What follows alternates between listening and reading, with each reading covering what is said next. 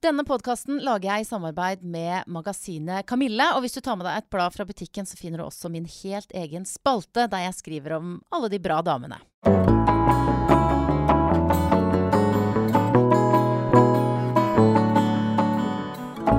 Dette er podkasten Bra damer, og det som skjer nå, det er faktisk historisk i Bra damer-historien. Altså, Bra damer-historien er ikke så enormt lang, da, men det har aldri før skjedd at en gjest har vært her to ganger. Men i dag sitter altså programleder og filmskaper Emilie Beck her for andre gang. Velkommen tilbake, Emilie. Takk. Så jeg har selvfølgelig invitert deg fordi du er en bra og veldig hyggelig dame. det, det, er bra, det. Ja, så jeg har lyst til å prate med deg, og så, og så holder du på med et prosjekt som jeg syns er så viktig at jeg gjerne vil at alle som hører på Bra damer, skal uh, høre på det og fortelle andre om det. Mm. Mange så sikkert uh, serien Stuck, som uh, lå på aftenposten.no. Det handlet om barnebruder. Du reiste i det var flere land i Asia, var det ikke det? Mm. Det var um, Vietnam, Kambodsja og Bangladesh. Mm. Mm. Og da var du her og prata om det. Ja. Engasjert. Ja.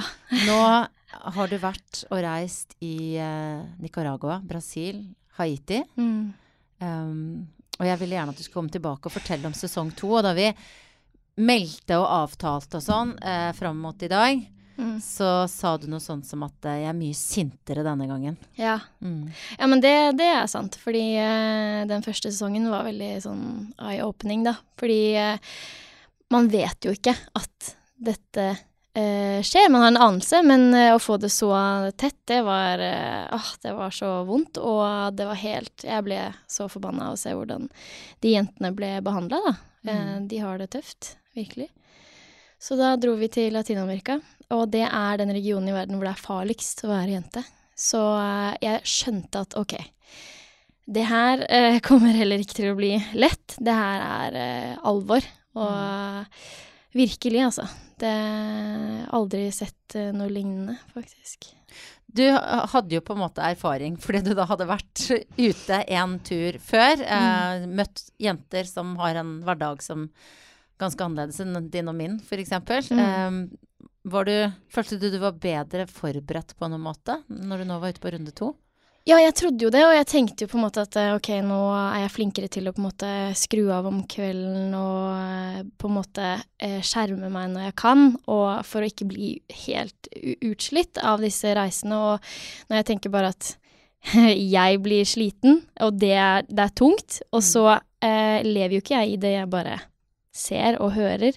Eh, men allikevel så er det så mange inntrykk man må, må, ta inn, så tenkte jeg at ok, men nå, nå, vet jeg litt hvordan det er. Og så er det jo heftige historier hver gang, og det er jo nye situasjoner, og det er nye jenter, så det slo meg like hardt denne gangen òg. Mm. Kanskje verre, faktisk. Noen tilfeller. Hva Altså, det er, jo, det er jo klart at du kan ikke gjenfortelle hele serien som nå kommer, men hva på en måte av de, de skjebnene, de, de, kvinnene og jentene du har møtt, hva er det som har gjort sterkest inntrykk på deg? Oh, ja, det er så vanskelig å, å, si, fordi alle gjorde jo veldig sterkt inntrykk. Men um, Haiti er vel kanskje det landet som som var eh, mest ekstremt. Det er jo veldig stor forskjell på fattig og rik uh, der. Og vi var jo da i de fattigste områdene um, inne i en slum, hvor jeg møtte f.eks. Daneshka. Hun er 15 eh, år. Og hun uh, satt uh, alene en, uh, en, dag bare og tenkte for seg selv. Det, hva gjør man, på en måte? Um, og så kommer det da fem menn og begynner å yppe med henne. Og hun ber dem å slutte og begynner å løpe. De løper etter og voldtar henne. men hun klarer å rope etter onkelen sin, som da var i området. Og han kom løpende, og de løp vekk. Men hun ble gravid og er tvunget til å beholde det barnet. og hun er så frustrert og forbanna og lei seg fordi den voldtekten er forbundet med så mye skam at hun blir nå kastet ut av stefaren sin i sitt eget, av sitt eget hjem, da. Fordi ingen i familien hennes, da, bortsett fra moren, vil assosieres med, med, henne. Og det her kommer jeg rett opp i. Mm. Første dagen på Haiti. Uh, og hun sitter i en sånn hvit eh, yndig, uskyldig kjole mens hun sitter og river den opp når hun forteller. Og jeg blir sånn ah, Det er så grusomt, eh, det hun har gått igjennom. Og hun vet ikke hva hun skal gjøre. Det er ingen som hører på henne. Og jeg var der jo til og med når stefaren kommer og sier OK, nå må du pakke tingene dine, nå gidder jeg ikke å ha det her lenger. Så jeg ble stående i den døråpningen eh, og måtte på en måte roe han ned, da. Eh, så ja da, man blir kasta ut i det. Men hvor, hvor altså, ikke sant? For du har jo da en rolle som er litt sånn midt imellom alt. da. Du er der som eh, journalist, men samtidig også som en slags sånn vanlig jente som skal ja. oppleve verden. Eh, du er medsøster av henne, ja. ikke sant? Du får lyst til å Jeg vet ikke. Hvordan velger du hvordan du skal reagere når du står midt oppi en sånn situasjon? Ah, det er eh, Jeg prøver jo Det som det jeg har mest lyst til, er jo selvfølgelig å bare si til denne stefaren at eh, hva er det du holder på med, hva er det du tror? Mm. Altså at du bare kan komme her og kaste henne ut og eh, oppføre deg sånn. Eh, så tar jeg meg i det fordi det, det er vanskelig eh, Jeg kommer inn i en annen kultur. For han er det det største selvfølge, for det er sånn det er. Og jeg viser det jo ganske tydelig med ansiktsuttrykk, men jeg prøver å eh, på en måte være så eh, objektiv som jeg kan, og støtte da eh, Daneshka så mye som mulig, og moren, da, og jeg er jo der selvfølgelig og sier dette her er vel kanskje ikke helt greit, men hva tenker du, og stiller de spørsmålene. Mm. Eh, det er jo tøft eh, å prøve å være, være såpass nøytral, men så er det liksom litt det at eh, jeg eh, ja, skulle gjerne ønske at jeg kunne bare gitt den et slag. Eller bare å våkne opp, liksom. Det, ja. Du kan jo ikke behandle stedatteren din sånn. Men har du gjort det noen gang? Altså ikke slått i noen, altså, men som sagt nå på denne turen hvor du har vært eh, foran støkk to, hvor du har liksom bare ja, skreket, vært forbanna? Jeg har jo vært forbanna, men det er jo ofte vekk fra menneskene jeg møter. Også fordi med en gang de ser at jeg trekker meg tilbake eller blir sint, så vil de ikke snakke med meg. For mm. da skjønner de at ok, nå er det noe de ikke godtar, og da kommer de til å stille meg i et dårlig lys, og da vil jeg ikke være med. Mm. Så som regel er det at jeg trekker meg tilbake og reagerer på egen hånd, da, med, mot regi, som, som, da på en måte spør meg ok, hva tenker du, for nå ser jeg at du er forbanna, kan, ja. du, kan du fortelle hva, hvorfor er du forbanna? Men eh, det er jo også viktig å fortelle dem at eh, sånn basic, så er ikke dette her greit. Eh, du skal ikke behandle et barn på denne måten, du skal ikke behandle en jente på denne måten, uansett hva slags kultur du har. Um, så det Ja, men det det er vanskelig, og så blir jeg så glad i de jentene og, også, så man Jeg må jo komme innpå de. Um, så jeg må jo klemme de og danse med de og le med de og sånn også. Eh, og, og, de syns jeg er kjempeteit noen ganger, og jeg blir på en måte en sånn litt sånn storesøsterrolle. Og, det liker jeg veldig godt, for da når jeg merker at de da tar hånda mi, eller når de begynner å oppsøke meg, da begynner de å stole på meg. Mm. Ja. Men så er det jo kompliserte greier. For som du beskriver, altså Det er sånn kulturen er, sånn har det alltid vært. Det er mye mm. skam for familien. Det er jo sånn mange lag man må ta hensyn til, og som man må forandre, da, hvis man ja. skal få til endring. Ja. Um, hvor motløs har du blitt av denne turen? Den gangen her så visste jeg jo på en måte at uh, her er det større krefter som må til, eh, og hjelpeorganisasjoner og uh, holdningsendringer og kulturendring. Uh, så det var lettere for meg å på en måte Jeg var forberedt på det. At her kommer jeg til fattige land og fattige områder hvor hvor ting har foregått sånn i lang, lang tid.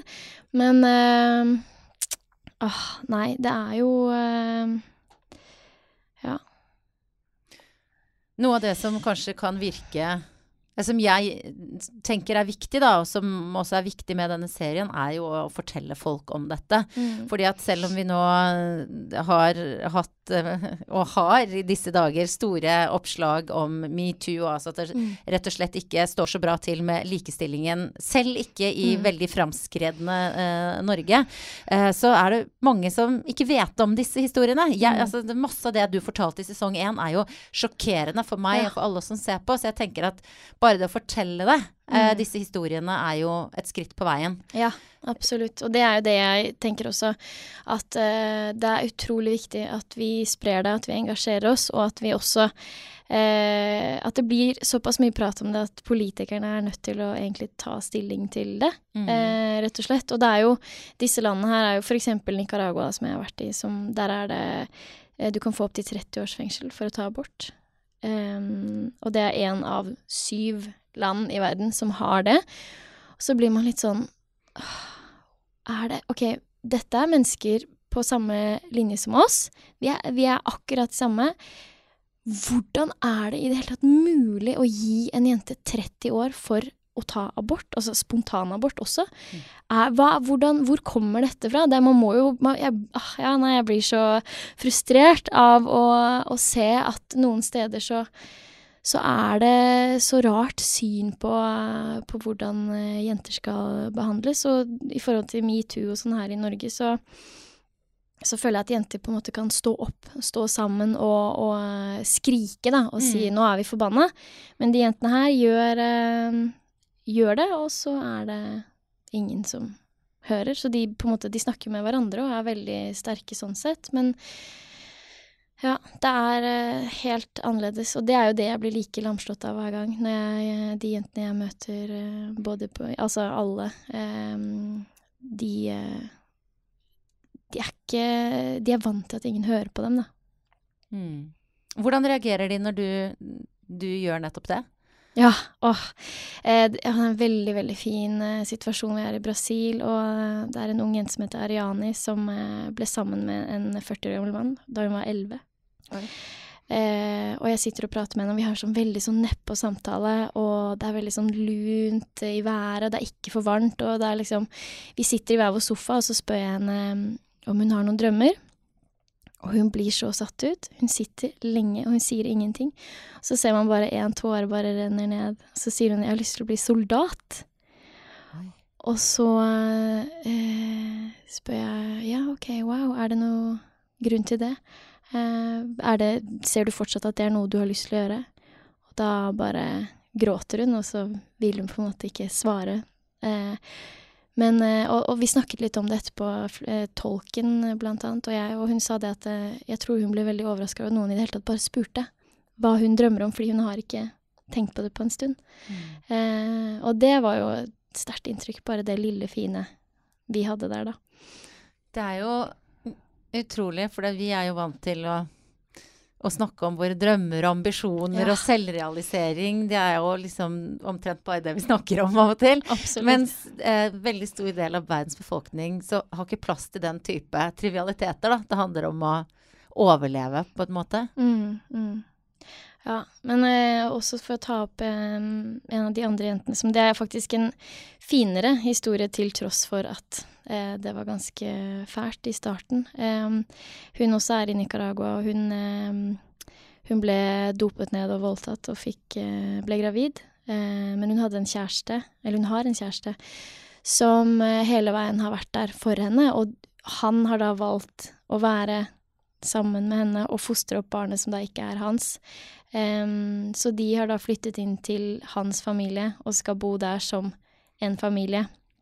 Uh, og det var sånn han, han er oppriktig glad i henne, og det, det er i siste episode. Hun heter Maria. Uh, og jeg ble veldig Altså, det er rart, men jeg ble så overrasket. Oi, wow, du er glad i henne. Er du forelsket i henne? Hvordan, hvordan er det Emil? For det er jeg ikke vant til eh, de, de andre jeg møtte. De de mennene, det var noe brutalt da, over det. Der er det kun for å overleve. Eh, men han var forelska i henne, og det, det var veldig fint å se. Så du har sett eh, varme og kjærlighet også når du har reist rundt? Ja. Mm. Og i hvert fall også mellom eh, jentene, ved at de backer hverandre og, og støtter hverandre og sånne ting. Og det, det tror jeg er liksom egentlig noe av det fineste man kan se i Til tross for at de eh, Det er de i de situasjonene de er i, så, så er de så sterke, da. Mm. Uh, ja. Og så er det jo det som du selv har vært inne på, det at når man kommer til en helt annen kultur, en helt annen samfunnsstruktur Altså alt er så eksotisk og annerledes, og så er jo jeg har jo selv opplevd å være på, på reportasjetur i fattige land, og du er jo så synlig og så Mm. hvit og så rik og så ja. privilegert. Det er så mye som er problematisk og utfordrende da, ved å komme Mm. og på en måte si direkte eller indirekte altså 'dette er feil', eller 'dette Mm. gjør man ikke'. Hvordan, Ja. Dette snakker vi om når du lagde stykket 1 også, at, Ja. at det var utfordrende. Hvordan, hvordan har du kjent på det nå? Ja, det blir jo ikke noe lettere, på en måte. Og er, jeg merka det spesielt på Haiti, hvor eh, det er så ekstremt eh, fattig. Um, så kommer man jo inn med Det er jo ikke sånn at vi lever i den største luksusen, vi heller, men vi må jo være på et sikkerhetsklarert hotell. Eh, og, og det blir jo sånn at eh, da Det er så stor kontrast da, når du våkner, og så tidlig på morgenen, så skal vi ut i, i slummen, holdt jeg på å si, og så rett tilbake igjen der, og da setter man seg inn i en bil. Og så er det ofte sånne fartsdumper på veiene hvor man må bremse ganske mye ned. Og der står det jo så mange folk skal selge deg vann, de skal selge deg sjokolade, nøtter, alt mulig. Og de står og banker på vinduet ditt. Det er, og, og så blir man litt sånn Åh, hvorfor må dere banke på det vinduet nå? Nå er jeg så sliten. Og så blir det sånn Tenk på hvor forferdelig urettferdig det er at jeg sitter i den bilen og de som er på utsiden. Altså, og det, det er som du sier, man blir så synlig. Jeg føler meg som en, en eh, at, jeg, at jeg er dobbelt så høy som alle andre. At det er sånn alle snur seg og 'Å, hva er det som skjer her?' Eh, og veldig mange ser jo kameraene, for de er jo dyre. Så vi, det var jo en dag på Haiti hvor vi eh, nesten ble rana to ganger, faktisk. Eh, Hva skjedde? Vi, eh, jeg er sammen med hunden Daneshka, som jeg snakket om i stad, og eh, vi skal gå til det nabolaget hvor ting eh, gikk galt. Um, og hun syns det er litt ubehagelig, så vi ender opp med å snu og gå tilbake. Og da er det en stor guttegjeng som følger etter oss. Uh, og så endte vi opp med å bare Jeg, jeg stopper de og spør OK, hva, hva er det dere vil Er det noe dere vil si, eller er det et eller annet dere lurer på? Ja, de var litt for kule for det, men så begynte jeg å spørre litt hvordan det var å bo i det nabolaget, om det var farlig der. Han ene har sånn stort arr på kinnet, ser jo ut som han har vært i noe slagsmål. Um, og da begynner de å fortelle om et helt horribelt kvinnesyn. Jeg blir så provosert. Eh, så jeg står jo og er veldig i den samtalen. Oi. Og så slutter tolken å oversette, og så blir jeg litt sånn Du, nå må du Nå, nå sa jeg noe, kan du, kan du gjenta det? Og da sier hun ja, unnskyld, jeg må bare høre, fordi nå driver de og planlegger om at de skal ta kameraene, så jeg må bare høre etter hva de sier. Eh, og da blir jeg litt stressa, og så ser jeg regissøren ser litt rundt seg, og plutselig så er vi i et hjørne eh, av gata. Eh, og det er masse mennesker, så vi er på en måte pressa inne. Så vi ender jo opp bare med å Tusen hjertelig takk, og vi bare går fort, fort, fort, fort, og bare inn i bilene, og så kjører vi av gårde. Eh, og det var sånn Ja, det var ganske heftig. Og senere også så var det Vi havna midt oppi en eh, guttegjeng som drakk, og tro, de trodde vi filmet dem. Så, så de reiste seg opp og hva, hva er det dere gjør, Hvor filmer dere oss? Eh, og da også måtte vi de, de gikk for å hente våpen eh, for å ta kameraene da og da. Det var jo noen andre som sa det, at nå må vi løpe, for nå, nå stikker de. Eh, og i dette området så bor de jentene, da, faktisk. Ja. Så du kan jo tenke deg hvordan det er. Altså, ja, man blir sånn Men hvor redd blir du i en sånn situasjon? Ja, det verste er at egentlig så eh, ble jeg ikke så veldig redd fordi eh, det crewet som eh, jeg, jeg reiser med, er så dyktig, og jeg har bare egentlig jeg går jo bare med ryggen til og regner med at hvis det skjer noe, så er det noen som tar tak i meg. Men eh, jeg kjente på adrenalinen eh, da, altså. Absolutt. Og det var, det var ubehagelig, fordi jeg merket at stemningen var annerledes. Når vi da gikk til bilene, eh, og folk begynte å rope etter oss og sånn, så ja, var det på tide å gå. Ja. Mm.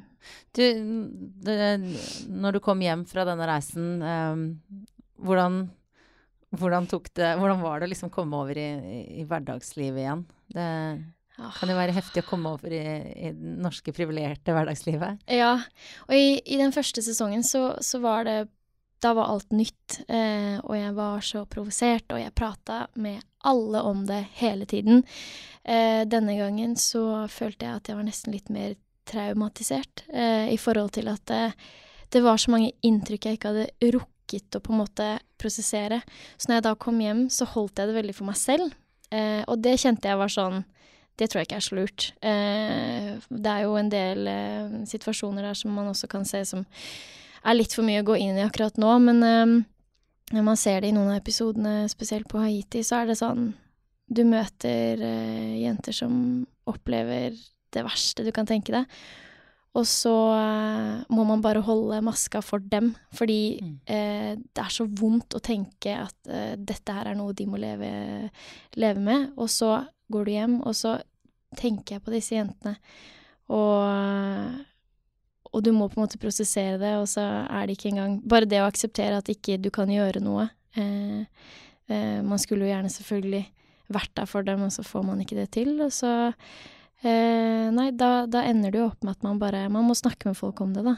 Eh, og da blir det jo eh, lettere å takle det. Eh, men igjen, det er jo ikke meg det er synd på, på en måte. Men det sinnet som, eh, Ja. som du har kjent på, hvordan er det med det nå? Jeg blir veldig lett forbanna når jeg ser hvordan jenter blir eh, behandla. Og i hvert fall da igjen, da, når, det, når det, disse metoo-kampanjene kommer ut. For jeg tenkte at ok, i Norge har vi ting litt mer på stell og, og sånn, og så får man den bølgen med du er jo ikke helt trygg her heller. Mm. Eh, og det gikk veldig inn på meg. Det, det sinnet er jo på en måte det jeg bruker nå for å formidle med denne serien at det, eh, dette må vi få slutt på. Helt alvorlig. Nå, nå må vi bare Vi må eh, Ja, vi må få slutt på barneekteskap. Vi må få slutt på den undertrykkelsen. Selv om det er vanskelig. Men eh, det at vi snakker om det og prøver å gjøre noe med det, det er jo på en måte det viktigste. Da. Og det er jo på en måte en slags sammenheng også mellom Selv om det har jo vært litt av kritikken mot metoo-kampanjen, at Mm. man liksom sauser sammen grove voldtekter og et klaps på rumpa. Ja. Eh, og den kritikken er jeg for så vidt enig i, men jeg tenker det problemet er så lite i forhold til hvor viktig det er å avdekke hvilket systemfeil det er at eh, kvinner har blitt holdt nede, Mm. også her i 2018-Norge. Ja. Men at det, og, det, og det er jo det det handler om, selv om det er så sjukt mye drøyere situasjoner eh, du har opplevd, at det er slags helt samfunnsstruktur og tradisjon og historie som holder unge jenter nede, da. Mm. Um, det er eh, utrolig trist å høre de historiene eh, du forteller i, i støkk. Og jeg, jeg skjønner den der følelsen av når du sitter og bare jeg ikke vet om du skal grine eller være Ja. fly forbanna da. Ikke sant. Og det er så komplekst også, for det er et så enormt stort problem. Og eh, når jeg er i Brasil, så ser man jo eh, Altså, de jentene der er veldig frigjort, og veldig sånn de, Det føles ut som de er veldig komfortable med sin egen seksualitet. Eh, og så tenker man at eh, wow, ok, men her må det jo være på en måte Her er det mer greit, på en måte, å ha kort hotpants og gå med bare sånn liten topp og dra på klubb og bli tafsa på. Og så er jeg da på en sånn funkklubb og ser at jenter ikke er helt happy med det. At Mm. eh, gutta tar seg veldig til rette, og eh, at det er faktisk eh, Hvis man ser godt etter, så er det Vi har ikke kommet så langt som vi trodde, da. Eh, ah, ja, det, det var veldig sjokkerende å se, faktisk.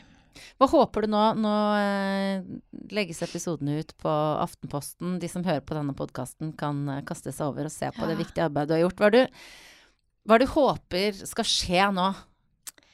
Åh, jeg håper at eh, folk deler og prater om serien. Eh, hovedsakelig. Det jo, hadde jo vært fantastisk hvis folk ble like forbanna som det jeg blir. Eh, og drømmen hadde jo også vært at man på en måte kunne satt press på eh, politikerne. Ehm, så er det også det at eh, jeg har jo reist eh, Det som Det her er en serie laget av TV Wonder, det er et veldig lite selskap. Eh, for Aftenposten i samarbeid med Plan. Og Plan har jo ekstremt mange eh, De jobber i ekstremt mange land, og de landene jeg har vært i, så ser jeg jo hvor effektivt det er å bidra. Eh, og det er sånn det er det et selvfølge for meg nå. Å bidra og, og få fadderbarn og kunne hjelpe til i de områdene jeg har vært. Eh, så det tror jeg også er noe jeg håper folk gjør, Mm. rett og slett. Ja. Og så er jo du en dame som har liksom eh, Du har ikke liksom akkurat litt for lite å gjøre. Hadde liksom tolv timers arbeidsdag i går, og du er nå liksom ok i lanseringen av Støkk og engasjert i dette temaet, som alle hører. Holder på, er med å lage eh, stor norsk serie, Wisting-serien. Hva, Mm. hva, hva er funksjonen din der? Hva er det du jobb, jobber som der? Ja, Der er jeg regiassistent. Ja. Eh, så jeg måtte rett og slett ta en liten pause fra dokumentar eh, bare noen måneder for å gjøre noe annet. Mm. Og det er jo ikke det at det er mindre utfordrende, men hjertet mitt tåler dette litt bedre. Ja. Eh, fordi eh, dette er eh, på liksom. Mm. Så eh, ja, det er noen ganger så må man bare skjerme seg litt før Men jeg, kjenner jeg meg selv rett, så er det ikke lenge til jeg er ute igjen og gjør et eller annet. Hva, er det du, er det du vil gjøre da?